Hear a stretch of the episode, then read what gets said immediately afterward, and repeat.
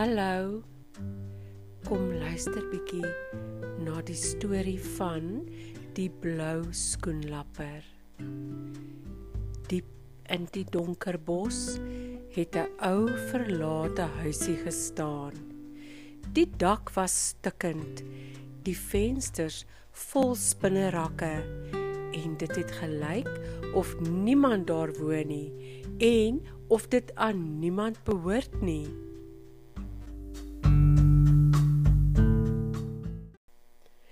Eendag kom 'n seentjie en sy suster wat blomme gaan pluk het by die verlate stikkende ou huisie uit. Hier is nou regtig die mooiste blomme wat ons nog so ver gesien het, sê die dogtertjie.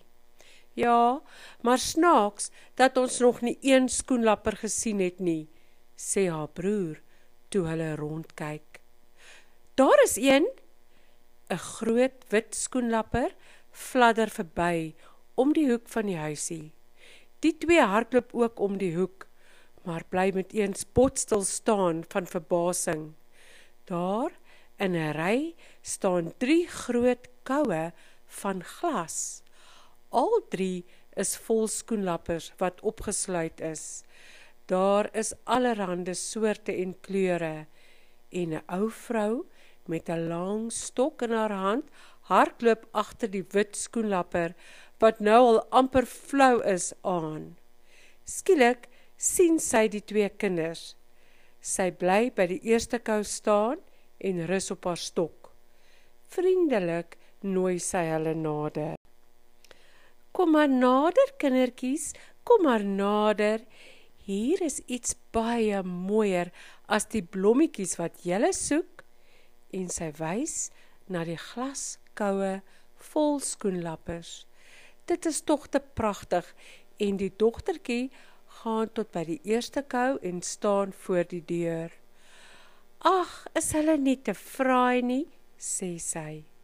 Ja, steek maar jou hand in en vang 'n paar om saam huis toe te neem, sê die ou vrou.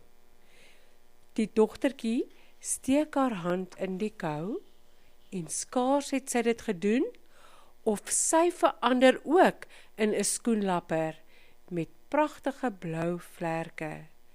Die seun wat na die ander kou staan en kyk het, skrik toe hy sien wat gebeur het. Hy spring vorentoe om sy sustertjie te red, maar die ou vrou is te gou. Sy slaan net op sy skouer, toe verander hy in 'n klein rooi spinnekoppie. Hy is woedend kwaad en wil die ou vrou byt, maar sy gryp hom en stop hom in haar roksak waar hy in die donker moet bly sit tot sy by die huis ingaan. Hier haal sy hom toe uit en nou sien hy daar is honderde ander spinnekoppe. Hulle krioel op die vloer hang aan die dak en kruip teen die mure rond.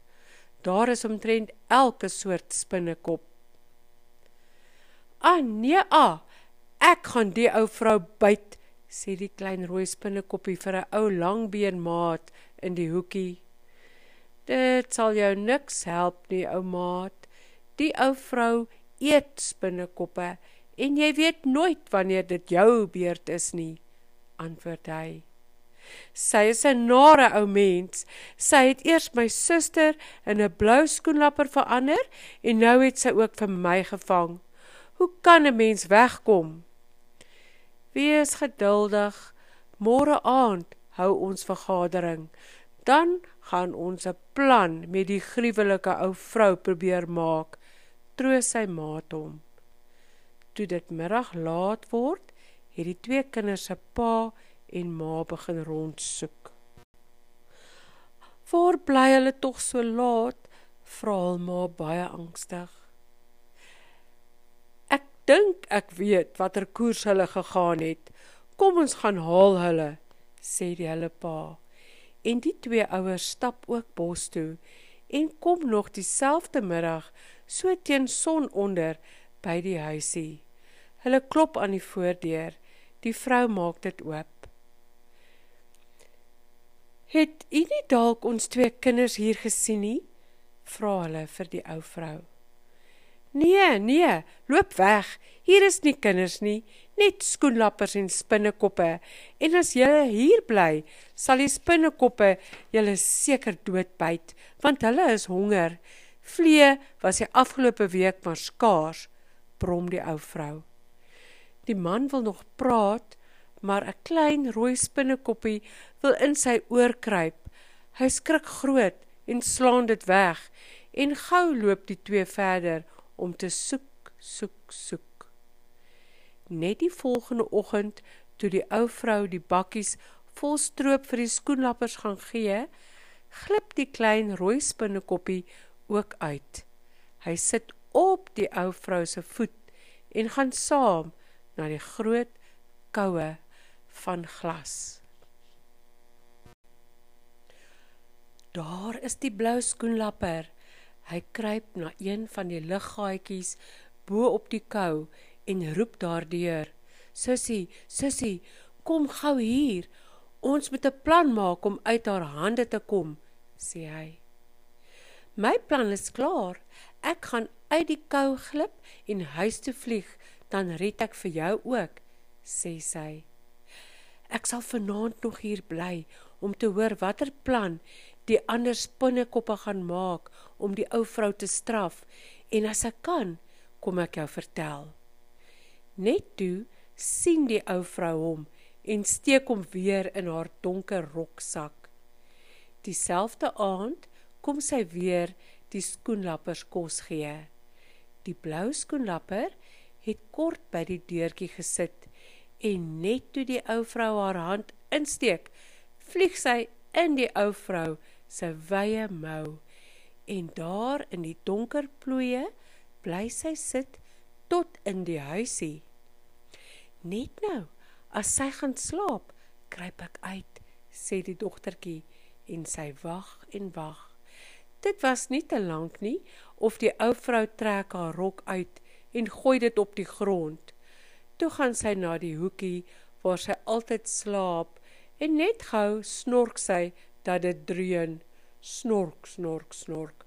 Dit is so hard dat die spinnekoppe glad wakker skrik in die hoekies waar hulle sit. Nou kruip die blou skoenlapper uit die rok se mou en sukkel saggies deur toe. Toe sy daar kom, sien sy dat dit baie baie donker buite is. In die tuin sal ek wegkruip tot die dag breek en dan vlieg ek reguit huis toe, sê sy. Baie versigtig moet sy ook wees, anders word sy miskien weer gevang. Toe die spinnekoppe sien, die ou vrou slaap en hoor hoe sy snork, hardloop almal uit. Hulle wil mos nou 'n vergadering hou om planne te maak om van haar weg te kom. Julle trosse spinnekoppe sit en gesels, ander hardloop rond om almal bymekaar te kry. En nou sit hulle in lang rye op die vloer en wag vir 'n dapper leier om die voortou te neem. Vriende, ek dink ons moet die ou vrou byt, sê 'n jong spinnekop. Daaroor sal sy ons nie laat gaan nie en ons gif het sy mos kragteloos gemaak, antwoord 'n ander. Nee, ek dink ons moet haar almal aanpak en sleep tot by die put en haar daarin gooi, sê 'n ou langbeen. Nee, julle planne is niks werd nie, sê 'n oupa spinnekop. Ek het 'n baie beter een. Ons moet haar daar in die hoekie vasspin. Spinnerakke is so sterk soos sy en baie taai. As ons wag tot sy slaap en ons begin almal spin so gou en so hard soos ons kan, dan is sy nog voor son op môreoggend in die hoek so vasgespin asof sy met sterk toue vasgebind is, sê die ou spinnekop. Toe hy die plan gee, het almal eers goed gedink en toe antwoord hulle: "Ja, beter ding kan ons nie doen nie.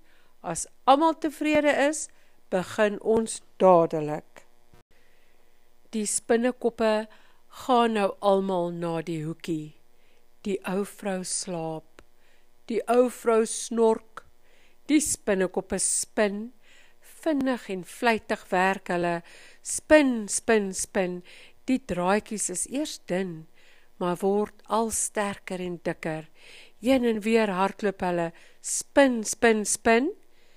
Die volgende oggend, toe die sonlig flou deur die vuil venster kom, skrik die ou vrou wakker in die hoekie. Wat is dit? Sy probeer opstaan, maar iets klou haar vas. En toe eers gewaar sy dat sy deur miljoene taai sydraadjies in die hoek vasgevleg is. Sy probeer losbreek, maar die sydrade is te taai. Hulle rek en klou haar, maar dan maar net weer vas. Toe word die ou vrou tog al te kwaad. Wie het my vasgemaak? skreeu sy. Ons, ons, ons, skree miljoene spinnekoppe. Waarom? Omdat jy baie van ons gevang het en in spinnekoppe verander het. Ja, maar julle het hier op my grond kom blomme pluk. Is nie. Jy het ons hierheen gelok en nou wil ons huis toe gaan, na ons ouers toe. Ja, maar julle was nie almal altyd kinders nie. Wat van die ander wat altyd spinnekoppe was? vra sy. Laat hulle ook gaan. Gee hulle hulle gif terug en laat hulle weer tussen die ander insekte en goggas gaan woon soos tevore. Sonder hul gif kan hulle nie gaan nie, want die ander sal hulle aanpak en opvreet. Goed, sê die ou vrou, maar sy lag stilletjies agter die spinnekop rak in die hoekie, want sy het nog 3 glaskoue vol mooi skoenlappers. Die gaan sy sommer in een slag in spinnekoppe verander.